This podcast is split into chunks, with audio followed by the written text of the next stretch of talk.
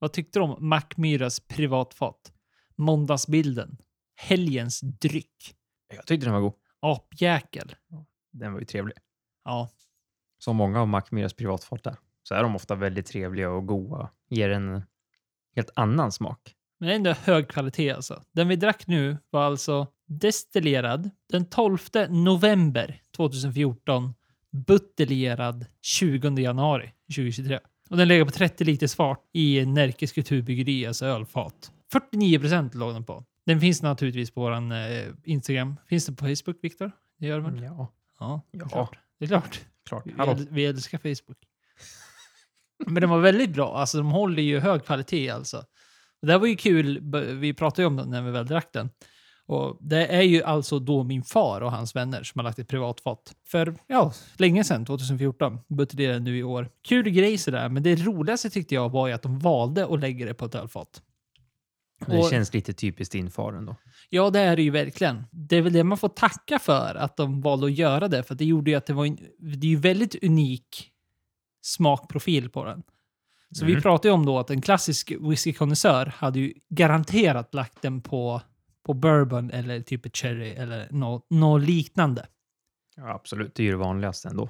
Jag tyckte den var väldigt trevlig och den öppnade ju upp sig. Det här var ju faktiskt nosen bättre än munnen. Första öppning här. Som, man behöver gärna smaka några gånger så att den luftas och liksom man hinner få in och testa med vatten och allt sånt där. Nu gjorde vi bara en dram på den. Ja, man, man kan ju känna den där lite känslan ibland på, på en whisky när man öppnar den och det är neck pour som man då kallar det för. Alltså det, när man häller upp den för första gången. Att man får den här tydliga känslan att den här kommer bli bättre med tiden. Och jag Mm. fick den känslan med den här. Ja, men det fick jag med. Absolut. Så att det var ju, man ska inte låta negativ när man säger att den behöver öppna upp sig. Den var fortfarande väldigt bra, men jag tror bara den kan bli bättre. Ja, det tror jag med. Fantastiskt. Drack du något annat gott då? I, hemma hos dig. Då drack vi ju massa gott. För er som vi sågs i lördags, som ni förstår när vi pratade innan. Jag har ju gått på semester, så att eh, vi sågs igår med några familjevänner och då, då blev det lite GTS. Två gin och tonics, kommer jag inte ihåg. Jag tror att det var jo, en Purity gin och sen var det en The Kilbeggans gin. Jag blev osäker på namnet där. Och sen eh, två olika tonic från Ekobryggeriet. En rabarber och sen var det en annan som jag inte kommer ihåg, någon lite mer limeig. Väldigt trevlig. Drack vin till maten. Inget speciellt. Nå Valpolicella har jag för mig att det var. Så jag var. Det var ju mer ölsugen igår så det blev ett gäng goa öl och lite vin. Och sen avslutade vi kvällen med att eh, dricka lite whisky och de vi träffades med, jag var ju med min familj. Eh, de som vi var med hade inte provat allt från agitator så vi drack eh, agitator, PXen och Blind Seal. Och sen eh, var det någon mer, jag tror att det var den här vi också druckit här, Ja, lönnsirap. Lönnsirap. Mycket trevlig. Och sen avslutades det med eh, Cigar Malt, Chiefstains 15-åriga Speyside. Och den, den är ju riktigt trevlig. Ja, det gick ingen nöd på dig alltså. Nej. eh, Eller gör inte en dunderstart på en, på en semester. Ja, det var supertrevligt. Trevligt sällskap och det är ju nästan det viktigaste. Och Goda drycker och god mat. Härligt. Du då? Nej. jag drack bara när vi drack och då, fast då drack jag otroligt gott. Då drack jag Tedolen och Wilderen. Och det var ju då det vi, det vi snackade om i det avsnittet som vi var på Europaturné var ju då belgisk öl jag köpte när vi var i Hasselt i Belgien. Drack dem och otrolig öl. Otrolig öl. Ja, och så drack vi då den här Macmillan och så drack vi lite annat gott. Där en Anok Special for Sweden, 16-årig. Otroligt. Ja, den är ju otroligt god. Väldigt, väldigt god. Nej, så mycket bra blev det. Så nog om det. Och i våra glas så fortsätter vi lite på det här ginspåret. Blir det ju. Mm. Vi har lite av en specialare idag. Väldigt trevlig. En, Specialare. en drink. Och det är inte vem som helst, utan det är en väldigt okänd herre nämnd Fredrik Wikingsson som har lagt upp sin sommardrink. Bara han la upp på sin händelse på hans Instagram. Någon gång så jag skrev ner. Så jag tänkte det här kan ju vara kul att prova. Det är alltså Filip och Fredrik, människorna, Fredrik mer specifikt, som man kallar då för sin sommardrink. Och vad tycker du då? Väldigt, Om vi börjar där. väldigt trevlig. Om man nu säger vi nästan att allting är trevligt, men eh, väldigt eh, lätt. Vi sa det att eh, Just att ingredienserna är ju citrongin och citronsaft och citron. Just det, här, toppar ju upp det med lite sodavatten, vilket gör att den blir ännu farligare. För att du, den här spritsmaken försvinner ju bara mer och mer ju mer man toppar upp, såklart. Ja, var ju livsfarlig var den ju. Alltså, jag har ju... Ja, det har gått väldigt fort här i, i mitt glas. Och det är naturligtvis väldigt bra betyg. Något annat går inte att säga. Väldigt god, väldigt fräsch måste jag säga. Det, det, det var det som var trevligt. Ja, den är väldigt, väldigt fräsch och somrig, verkligen. Man kan luras att man inte sitter och dricker en drink och det är det som gör den så förbannat farlig. Oh ja, den här skulle ju kunna slinka i mycket fortare. Om vi, som vi har sagt tidigare, sitter ute i solen en varm sommardag. Och huvudnumret i denna så är det då Bombay Citron Pressé. Kan man säga, säger man så? Pressé? Mm. Press. Bombay citronpress. Det är alltså citrongin från Bombay. 329 spänn på bolaget. Och så ackompanjeras denna med Saint-Germain, en eh, likör. 303 kronor kostar den. En eh, typ fläder. Vi luktar ju fläder. Big något spännat jävligt. här. Vad sa du? Det är big spännat nu. Ja. Nej, så det är ju, det är ju, men det är ju trevligt. Två huvudingredienser och utöver det så är det tonic, citron och lite neutralt sodavatten. Mm. Och ska vi göra den exakta nu, för han var, han var ruggigt noga med sitt eh, recept i, i, i sin story. Åtta stycken isbitar, fyra centiliter Bombay Lemon, tre centiliter Saint-Germain, åtta centiliter tonic, tre centiliter citronsaft, tre millimeter tjock citronskiva. Och sen toppar man med neutralt sodavatten för fräschören, skrev han. Det låter lite som han med att vara sån här petnoga. Ja, lite så faktiskt.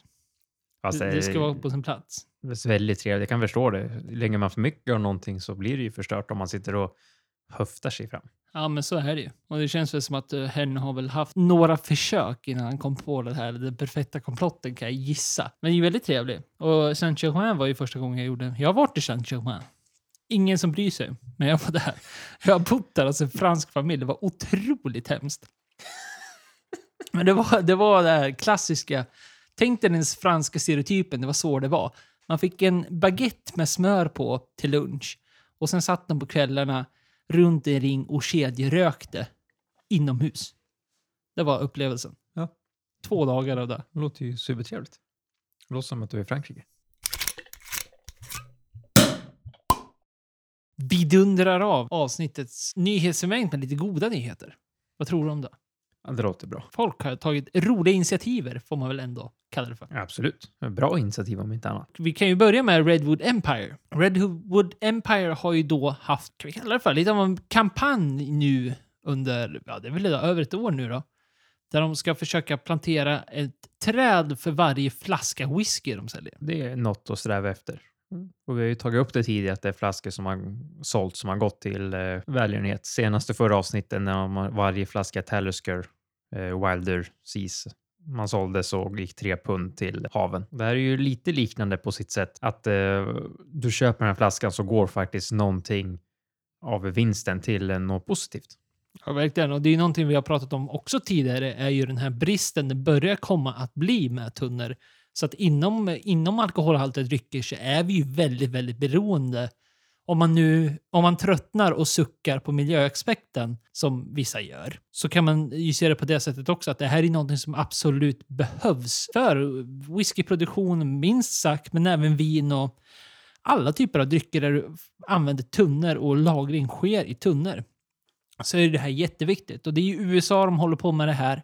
Och det roligaste är väl att de, de hade ett mål, att 2022 satte de målet på att de skulle nå upp till 500 000 träd planterade. Men nu har de alltså nått en miljon istället, så de har alltså dubblat det ursprungliga målet. Det är ju bara roligt att se. Och sen är ju, det är ju svårt att veta om kampanjen är det som har boostat försäljning. För såklart vill de ju sälja whisky, men eh, när, alltid, när man köper någonting och betalar ett lite högre pris och det går till någonting positivt så jag i alla fall villig att betala den pengen när man vet vart pengarna går. Vi får väl hoppas att det är många som tar över den trenden. Det vore bara roligt att se ännu mera. Men det har ju, är ju även en till nyhet som kanske, eller kanske, de har ju tagit över ungefär samma trend fast i agave istället. Så nu är vi alltså i tequila, tequila och mezcal-snack där de då har valt att plantera agave. Vi har också pratat om hur tufft det är för agave. Det är många planter som tas alldeles för tidigt. Det är ett otroligt tryck på både tequila och mezcal runt om i världen. Det är brist. Så att då har de alltså tagit ett initiativ nu och plan ska plantera, eller har planterat, agavesorter som har blivit, varit lite endangered. Så det här gäller alltså inte tequila då, utan det blir mer mezcal eftersom det inte är blå agave. Utan det här är, vad var det? Hur många sorter skulle det vara? Ja, det är tusen plantor totalt. Men det står inte exakt. 6000 står det. Så man har alltså Eh. planterat 6000 endangered agave seedlings i Jalisco eller Jalisco, Jalisco. Som är, alltså är typiska, typiska området i Mexiko där tequila och mezcal oftast odlas. Agave odlas. Ja, precis. Och det jag läste var ju tusen. Det var ju att det var ju massa bartenders som blev inbjudna att plantera tusen stycken av de här 6000. Precis. Och det, tanken med det här är ju alltså inte bara det att man försöker ha kvar de här agaveplantorna som annars aldrig används och håller på att bli utrotade, så är även tanken att de här ska man låta vara. Och så ska de här själv, ska man säga, själv eh, producera vidare. Alltså man, man ska inte skörda de här plantorna, utan tanken är att man ska låta de här vara kvar så att fröer från de här plantorna kommer föras vidare. Vildvuxna. Vildvuxna Lite som vi gör i Sverige när vi hugger ner träd och planterar ett eller lämnar något träd kvar för att den ska sprida vidare också. Men kul att man ser det även på det här sättet, att de försöker göra någonting som är tanken att det ska stå kvar. Och det är väl ett måste också med den piken vi har nått inom Mescal och tequila som i och för sig ser ut att trend, plana ut lite grann. Men trycket som finns idag så behövs ju även initiativ som denna naturligtvis. Så att inte alla bara, bara skördar och skördar och skördar för produktionens skull. Tråkiga nyheter kommer vi även med denna vecka. Som vi brukar göra, tyvärr. Ja, nu gäller det, vilket också har blivit ganska uppmärksammat, men det är USAs äldsta bryggeri. Deras, eller inte äldsta bryggeri av sig, utan deras första cross ska lägga ner nu efter 127 år. Väldigt tråkigt. Och det är ju Anchor Brewing som då har gått i graven på grund av allt som har varit under åren. Då bristande försäljning, högre priser och alltihop. De gick ju ut, var det tidigare i år, att de inte skulle göra sin eh, kända Winter Ale. Det var väl där, eller Christmas Ale. Och där började det väl. Man märker kanske att det började knaka lite i fogarna, eller vad säger man? Mm, det verkar som att det är lite delade meningar, meningar om vad som egentligen har hänt. Och det är många som ger då den största tyngden till det här nederlaget till eh, Sapporo, ett japanskt ölföretag som köpte upp Anchor Brewing 2017.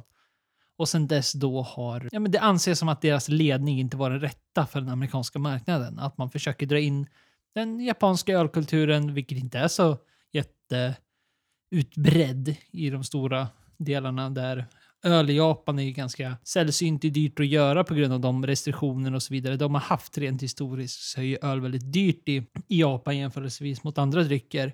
Och de försöker väl få in det här premiumsättet i USA då, som inte alls har funkat. Då. Ja, men mycket en bakgrund där. Så att, ja, oavsett, oavsett händelser och så vidare, man behöver kanske inte peka på, på någon speciell sådär. Men det, är- det, är bara, det är bara tråkigt, naturligtvis. Absolut.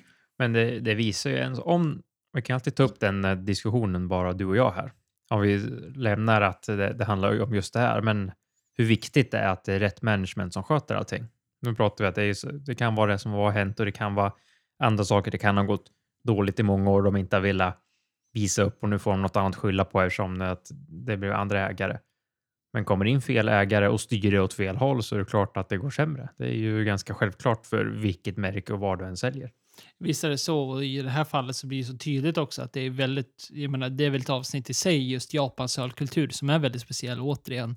Men när vissa, både marknadskulturer och när vissa dryckeskulturer möts på det här sättet så blir det jättesvårt att försöka komma in till en överenskommelse för att det, det skiljer sig jättemycket. Det vet ju vi också att det finns ju otroligt mycket olika typer av ölkulturer på dels, dels vad konsumenterna vill köpa och så vidare, men även även hur man konsumerar en produkt. Om det är mer inför, i England exempelvis, där det är mycket större med barer och så vidare. Och Tjeckien med exempelvis, bara för att ge så här väldigt banala, enkla exempel hur en kultur kan sköta sig. Så absolut, då har man då en management som försöker gå in och göra och inte respektera den existerande kulturen, då blir det ju så här. Absolut, och det är, det är en viktig sak att kolla upp alltid. Alltså när man håller på och kollar så tycker man att nej, mitt favoritmärke har ändrat sig, men vad har hänt bakom spakarna? Alltså vad tar man eh, eh, whisky där de till exempel de byter eh, distillery manager och de, den personen kan ändra hela whiskyn och höja upp den till skyarna för att den vet vad den håller på med. Och det är ju precis samma sak som att det kommer in fel person och inte vet vad den håller på med och bara kanske rebrandar och gör allting på helt fel sätt. Vi fortsätter med våra trender. Ska vi måla upp en bild för publiken nu, tänker jag? Ja, Så du får välja va- vart, eh, du som, du som har semester, vart, vart du får välja destination. vart ska vi vilja åka? Ja, en beach. För att måla upp en bild när du beställer en sån här. Ska vi se om du kan komma in i moodet och bli sugen på det här. Om jag, går till, om jag sitter på stranden och ska beställa en, en cocktail här. Ja. Eller en margarita. För att vara specifikt. Vi sätter, vi sätter staget, vi sätter moodet. Du har jobbat ett helt år. Du kommer iväg på semester. Äntligen! Du har bara roligt folk med dig. Du lämnar de tråkiga hemma. De är bakom dig. Du har anlänt till hotellet. Incheckningen gick sömlöst. Allting är skitbra. Det är första kvällen. Du har ändå haft en veckas semester innan. Du har lämnat den värsta stressen bakom dig. Du har druckit mycket vin, du har druckit mycket öl, och druckit mycket drinkar. Och nu glider du ner till stranden.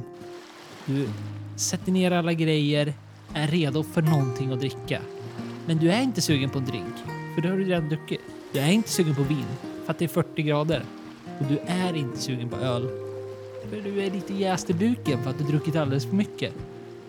Då ser du på menyn, bakom bartendern,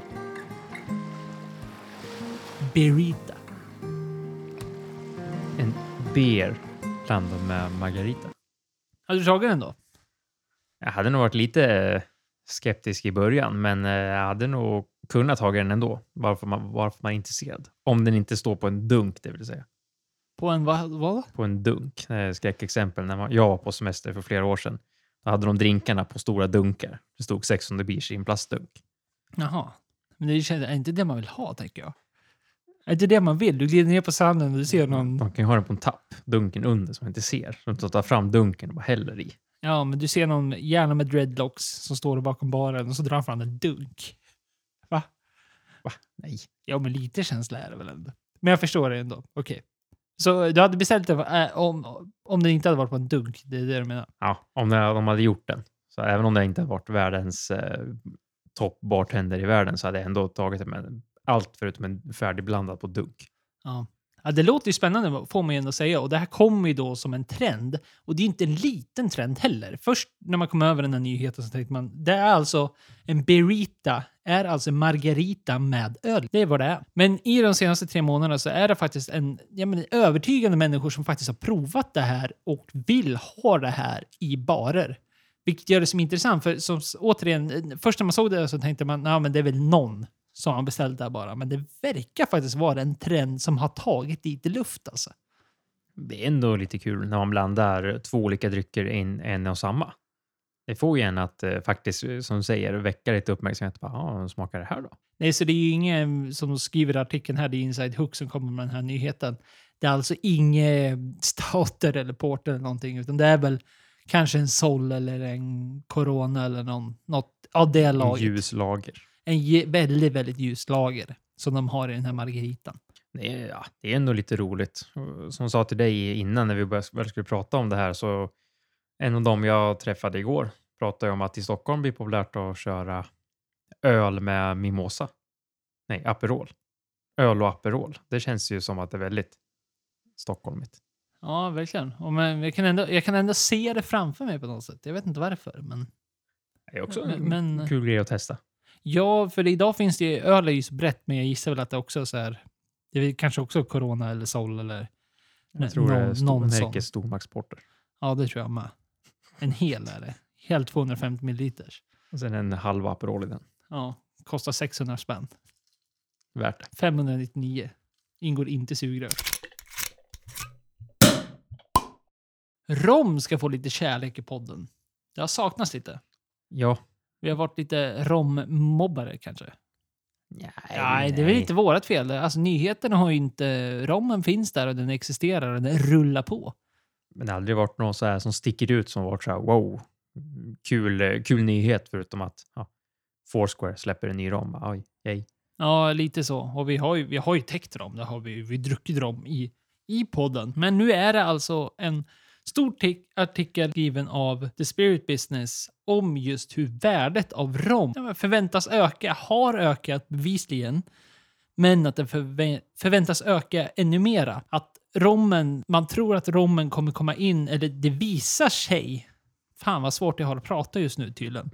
Men det visar sig att rommen börjar komma in i samma rum, så som whisky och andra typer av spriter när det väl kommer till ett andrahandsmarknadsvärde på auktioner och så vidare. Kul att se att eh, rom får, vad ska man säga, recognition. För det är ju ändå, det var ju ett tag sedan, då kom det upp en rom på Whiskey Auctioneer som då är en auktionssajt eh, som gick för en ganska hög summa. Jag kommer inte ihåg exakta summan här. Det var ju runt 30 000 pund och det är ju väldigt mycket. Vilket då har har skapat en ny plattform som är Rum Auctioneer som då ja, är samma sak fast bara för rom. Som då börjar öka och få mer och mer traction och så vidare. Vilket då gör ju att det får liksom en ny marknad för det här och det finns ju väldigt mycket god rom ute som väldigt få pratar om. Oh ja, och det är ju framförallt det här om vi har pratat om bang for the buck, ditt favorituttryck, så är ju rommen någonting som alltid har tagit fanan över det. Att man har ju fått otroligt hög kvalitet för oftast en väldigt liten peng jämförelsevis med mycket annat. Rommen har ju haft ett väldigt, väldigt högt värde till dryckesmässigt och det är väl kanske därför att värdet av det rent pengamässigt aldrig riktigt funnits där på samma sätt som whisky eller viner eller andra typer av sorter.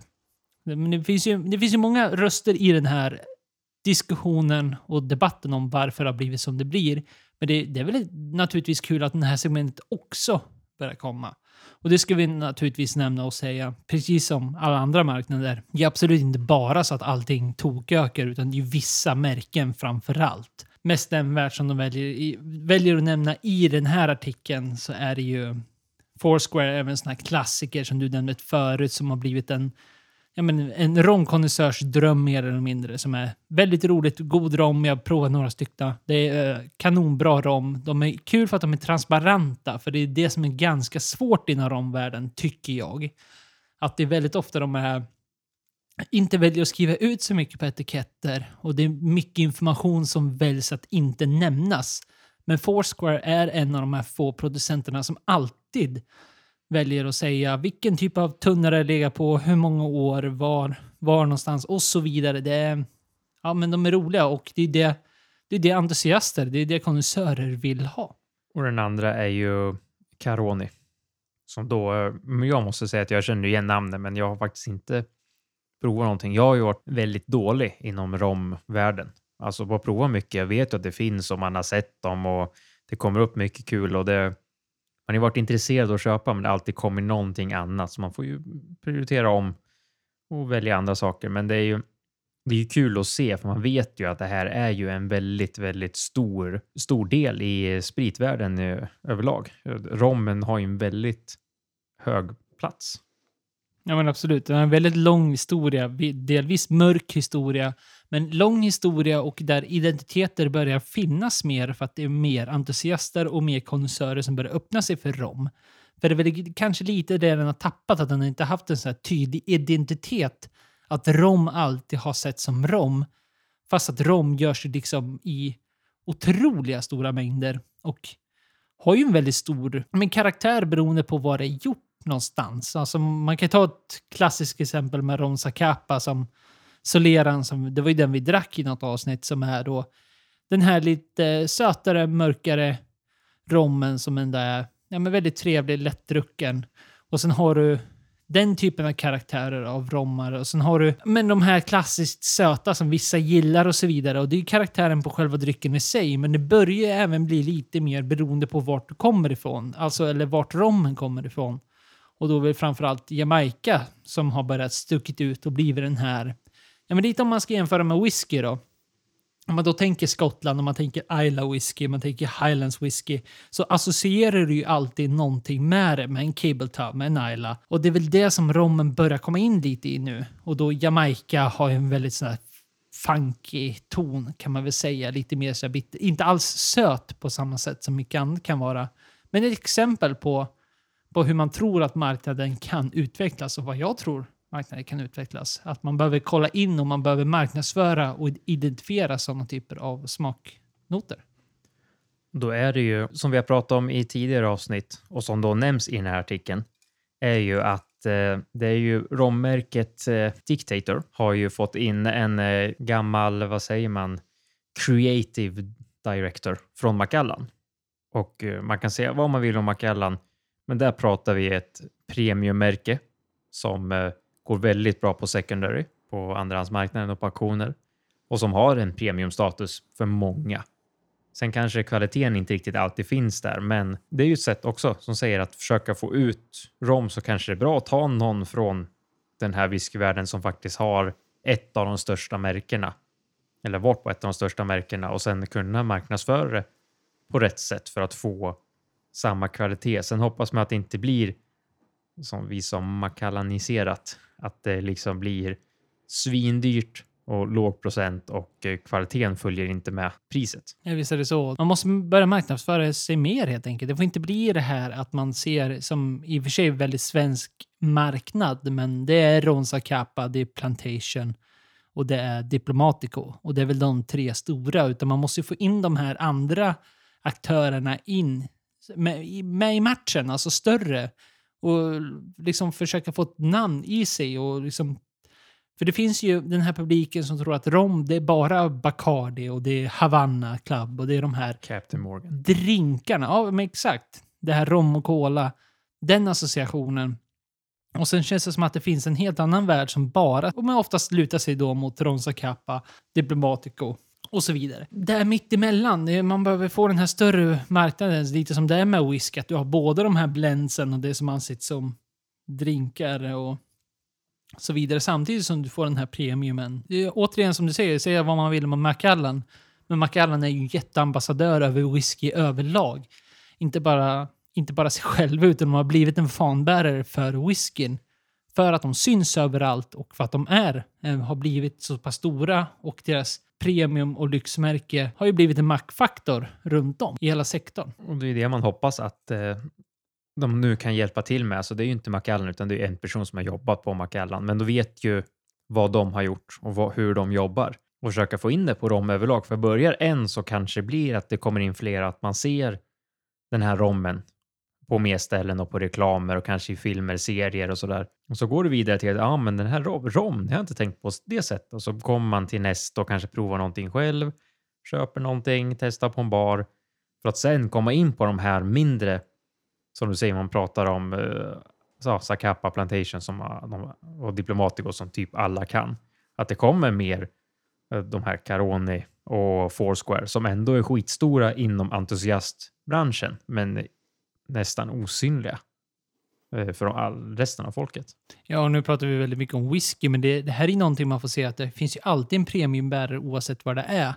I, inom vinvärlden så har vi Bordeauxhusen med crème de la crème, Margothusen, Petrus och alla de där. Och inom bourbon så har vi Pepper van Winkel. Vi har många sektioner av spritvärlden så finns det de här i champagne för att inte nämna. Men det finns ju otroligt mycket och man tänker direkt på att man har de här Dom Perignon, man har de här fanbärarna av vad premium är. Men den diskussionen tar ganska snabbt slut när man tänker på rom. Och så finns det naturligtvis kanske romentusiaster där ute som sitter och skriker och drar sig i håret nu och kan nämna hur många som helst.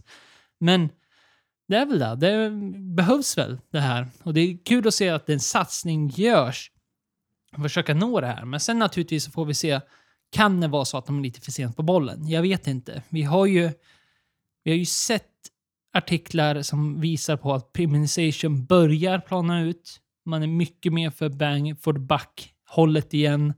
Man håller lite i plånböckerna.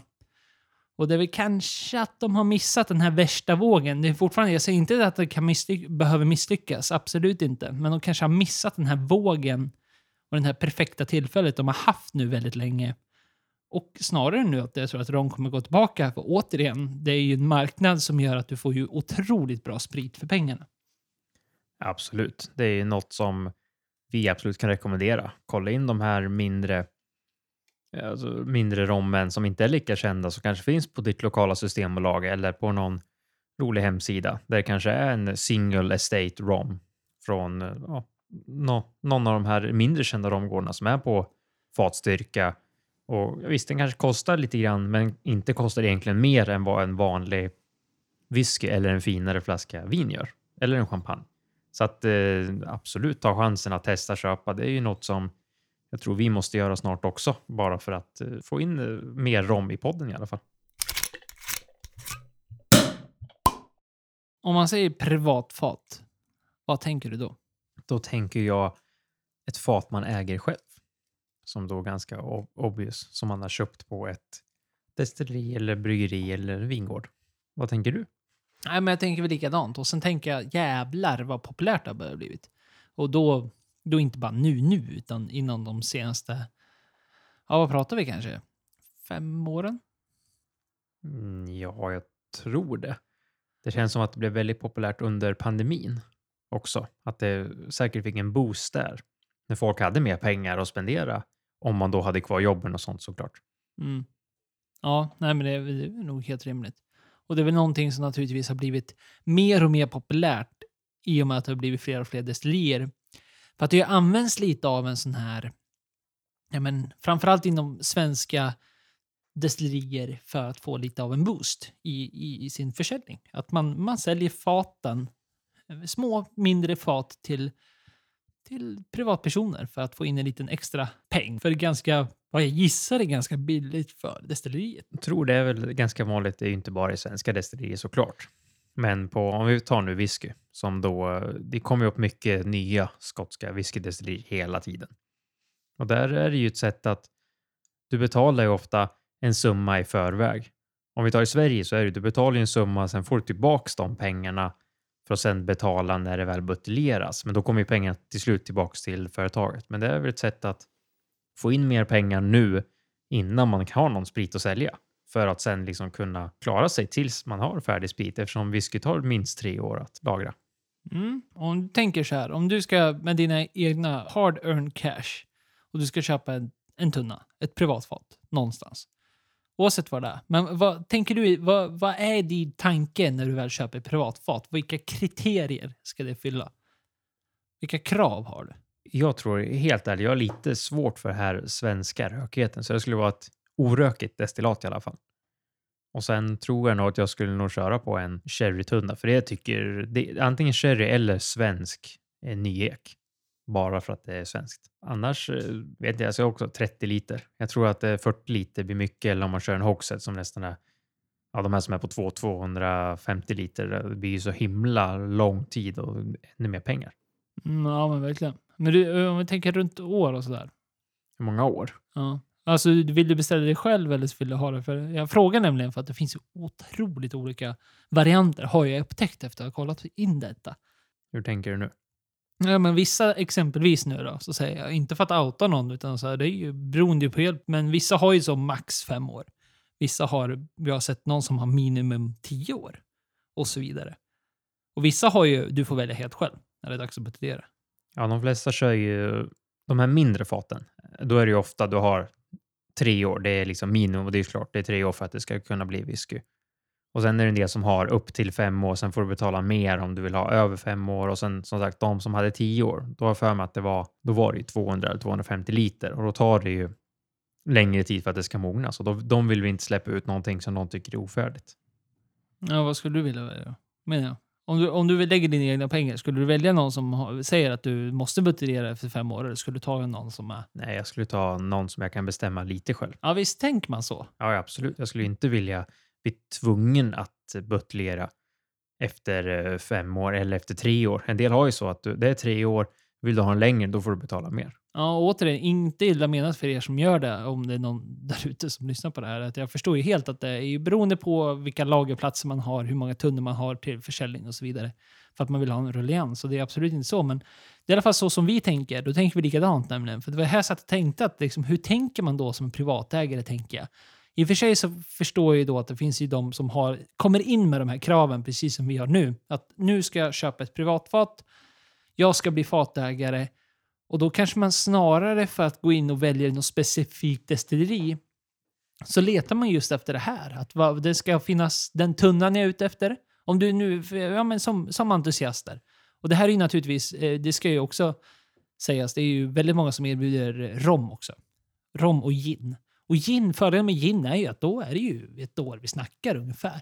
Så det är en väldig fördel, men, men nu snackar vi whisky då bara för att vi började där. Men då är det ju det här att man kanske snarare som entusiast går in och kollar, okej, okay, vilket destilleri kan möta mina krav? Och så finns det ju naturligtvis folk där ute som köper av rena händelser, vilket det var för min far. Vi pratade ju om vi drack Macmillas privatfat. Det var ju någonting de bara köpte på uppstuds när de var på en whiskyprovning, vilket är en ganska rolig historia i sig. Så det händer ju naturligtvis. Och sen tror jag även det finns många som köper för att man, man har någon typ av eh, association med ett destilleri. Att man köper därför. Inte nödvändigtvis för att det är den bästa favoritspriten eller något sånt där, utan man har en annan typ av anknytning till ett destilleri som man väljer att köpa andelar där. Och där så är det ju ett ord som är olika, som de, de erbjuder många. Eh, att du kan köpa ett fat som är bara ditt, säg på 30 liter, 40 liter, ännu mer, som du betalar allt själv. Eller så kan du köpa andelar i större fat. Och då äger ju inte du fat, utan du äger en andel i fat och då kanske det är ett 200 liters fat. Där de säljer 50 andelar och så får du ut eh, kanske mellan fyra och sju flaskor beroende på hur mycket som försvinner och så. Då har inte du kontrollen, utan då har man ju liksom köpt ja, andel. Du, när, när de väl buteljerar, om det är en broker eller om det är Deslit själva som väljer att nu ska vi buteljera. Så då har inte du samma bestämmelser. Nej, det finns ju lite olika varianter där och vissa har ju bara det här att du får, ja men du hyr hela situationen. Alltså du, du betalar för spriten i slutändan, men, men du äger inte fatet. Du bara ligger där och sen betalar en hyra i lagerhuset. Vissa kör på den varianten också. Men det absolut vanligaste av det man har sett så är det ju precis det du nämnde, att man, man, man köper fatet. Och det blir då ett privat fat, man blir ett fatägare, så man äger själva fatet. Och då är det ju inte helt ovanligt heller att folk buteljerar flera gånger. Och då kan, du, då kan du gå på riktiga nördarnivåer. För då kan du köpa ett helt nytt fat av destilleriet naturligtvis, men du köper ett helt nytt fat och så fyller du på det här flera gånger. Så att du gör det inte bara en, en gång, utan du tar en first fill och en second fill och så vidare. Och det är ju ultranördigt, men det låter ju väldigt kul å andra sidan att göra på det sättet också. Medan vissa tar eh, att det finns chansen, har jag hört, att eh, är fatet bra efter att du har valt att budgetera din whisky så kan destilleriet köpa tillbaks fatet. Och då inte för rena pengar utan det kanske blir att ja, men du får det här lite billigare och eh, vi köper tillbaks fatet som du då äger. Och som jag även hört i vissa fall att det har blivit duds. Det har blivit... Det har inte blivit bra. Och det händer ju.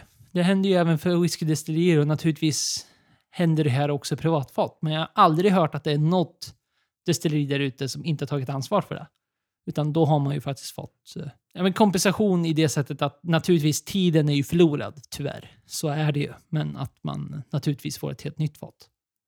Och det där är ju ganska viktigt att kolla upp när man väl kollar. Om, om man är intresserad av att köpa ett eh, whiskyfat så är det ju det här, vad står med? Vad, är, vad gäller? För att eh, det enklaste är att köpa av destilleriet, att destilleriet själva säljer, det är de som står för allting. Och sen, eh, vad är det för försäkringar du har? Hur länge gäller den här försäkringen? Jag såg att någon hade ju bara tre års försäkring och sen vill du ha en längre så kostar det ganska mycket och en del hade upp till fem år, sen kostade det längre. Men det är ju försäkringen är ju det här ifall det läcker, det blir dåligt och allting. De kanske bara säljer fatet, lägger det på hyllan. Sen visar de, nej den här har ju läckt. Det finns ingenting kvar. Men då är ingen försäkring och då, då, då har du ju verkligen, då har du ingenting kvar. Så det är väldigt viktigt att kolla upp verkligen allting. Och det här är ju, tror jag, inte lika stort problem i Sverige då att det är så många svenska whiskydestillerier och gindestillerier och så vidare som eh, säljer sin och de har ju ganska självklara. Jag tror kommer någon som helt plötsligt kör andra regler så är det nog många som hajar till och tror jag är uppmärksamma för att det är inte, det är inte billigt att köpa ett fat eller en andel. Det kostar ganska mycket pengar så det är inte det här man bara slänger ut sig på, på stört. Nej, det är ju väldigt mycket pengar och det är ju någonting som oftast kostar under resans gång. Alltså att först betalar du för fatet och sen kommer du oftast få betala när det väl ska buteljeras och du ska hämta ut flaskorna. Och framförallt om du ska hämta ut det på Systembolaget, då är det ganska mycket pengar. Vissa ger ju alternativet att du kan åka till Tyskland, buteljera och då tjänar du ganska mycket per flaska. Så i slutändan så är det ju inte så att du, det blir en billigare dryckes om, om du tänker så, du, du ska försöka tänka ekonomiskt eller någonting, det räknar du knappt hem på för att det kommer bli dyrt. Eller dyrt blir det väl inte, men det kommer kosta pengar i varje fall. Det är inte så att du gör en så här jättekap. Oj, nu köper jag ett privatfat. Nu kommer jag bara få en whisky för 300 kronor flaskan fast den är av kvalitet. Så är det absolut inte. Så att, det ska man inte heller bli lurad utan det här är någonting mer för men kanske den rårågade entusiasten och sen naturligtvis någonting man kan göra av, ja, men, har man ett kompisgäng, är det en vinklubb eller en whiskyklubb eller romklubb eller vad det nu kan vara. Man går ihop, man köper andelar. För jag menar, jag tror det är många som skulle vara nöjda och köpa 30 liters fat och sen slutar det med att man får två, tre flaskor bara. Det tror jag många skulle tycka är kul bara för upplevelsen, för den är ju rolig. Det är ju väldigt många som erbjuder det här att du får prova din whisky, rom eller vad det nu är, gin, flera gånger per år under flera upplevelser. Så det är någonting som, det blir ju en grej. Det är väl det som är grejen med det. Det är en rolig sak så, och det är någonting som faktiskt du kan sätta en prägel. Gör du något roligt med det, det beroende på dina val och så vidare, så kan du ju naturligtvis få någonting som faktiskt är väldigt unikt ute på marknaden. Absolut. Och det är din egna. Och vi som är entusiaster och lite smånördiga tycker att sånt här är kul. Vi skulle gärna vilja ha med flaskor. Men vi, varken du eller jag har köpt något fat.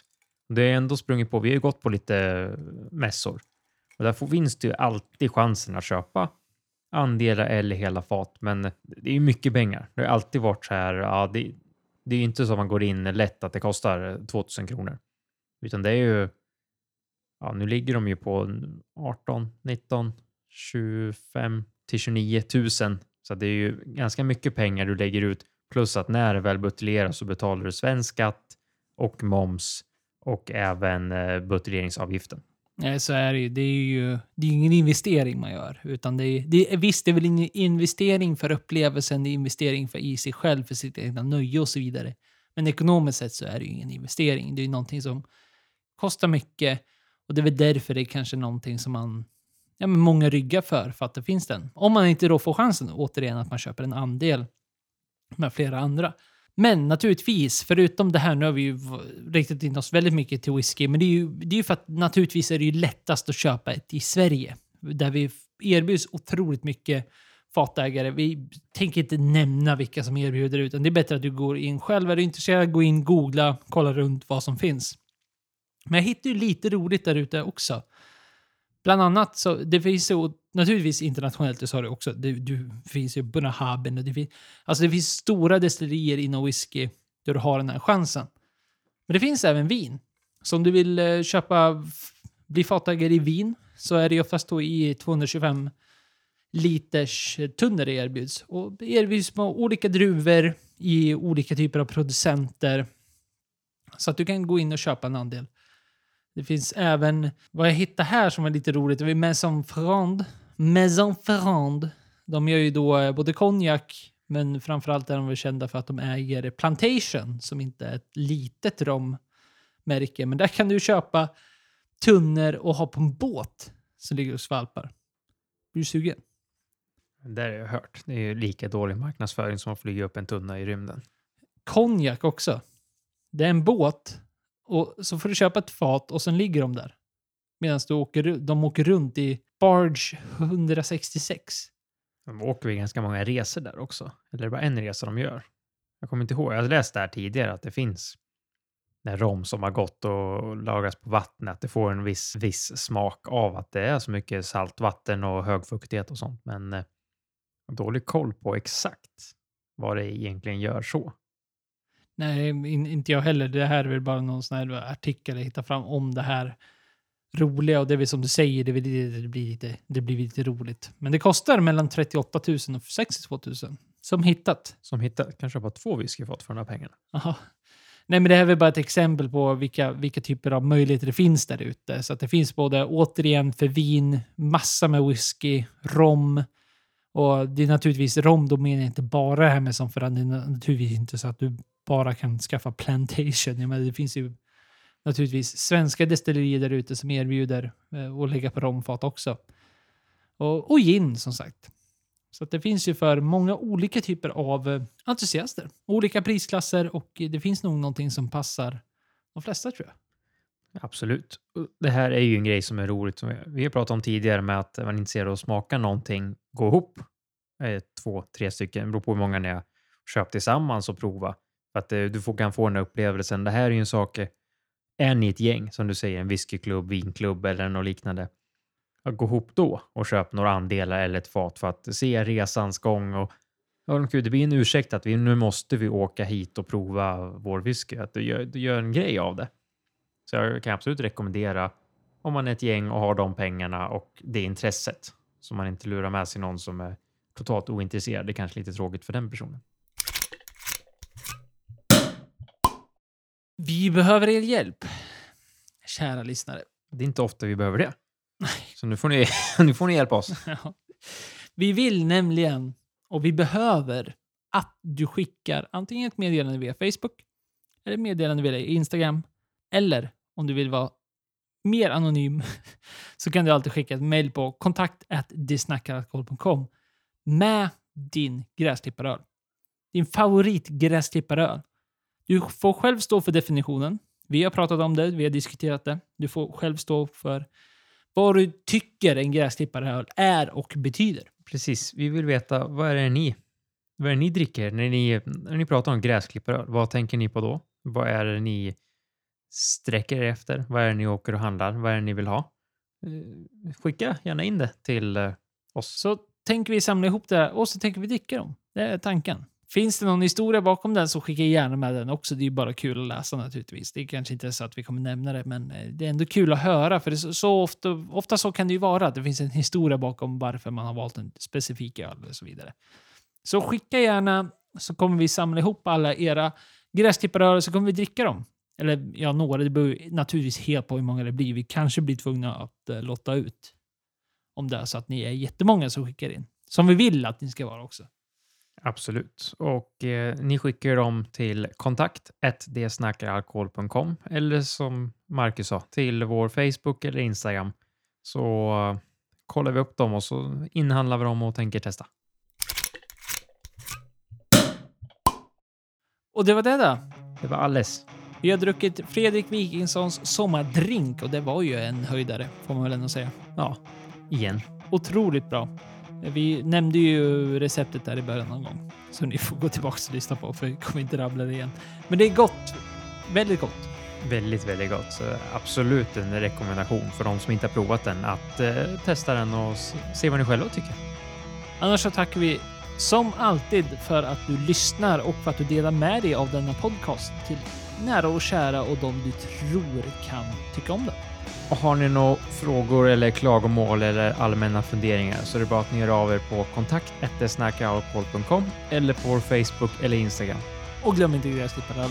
Gräsklippare. Så syns vi nästa vecka. Bye bye!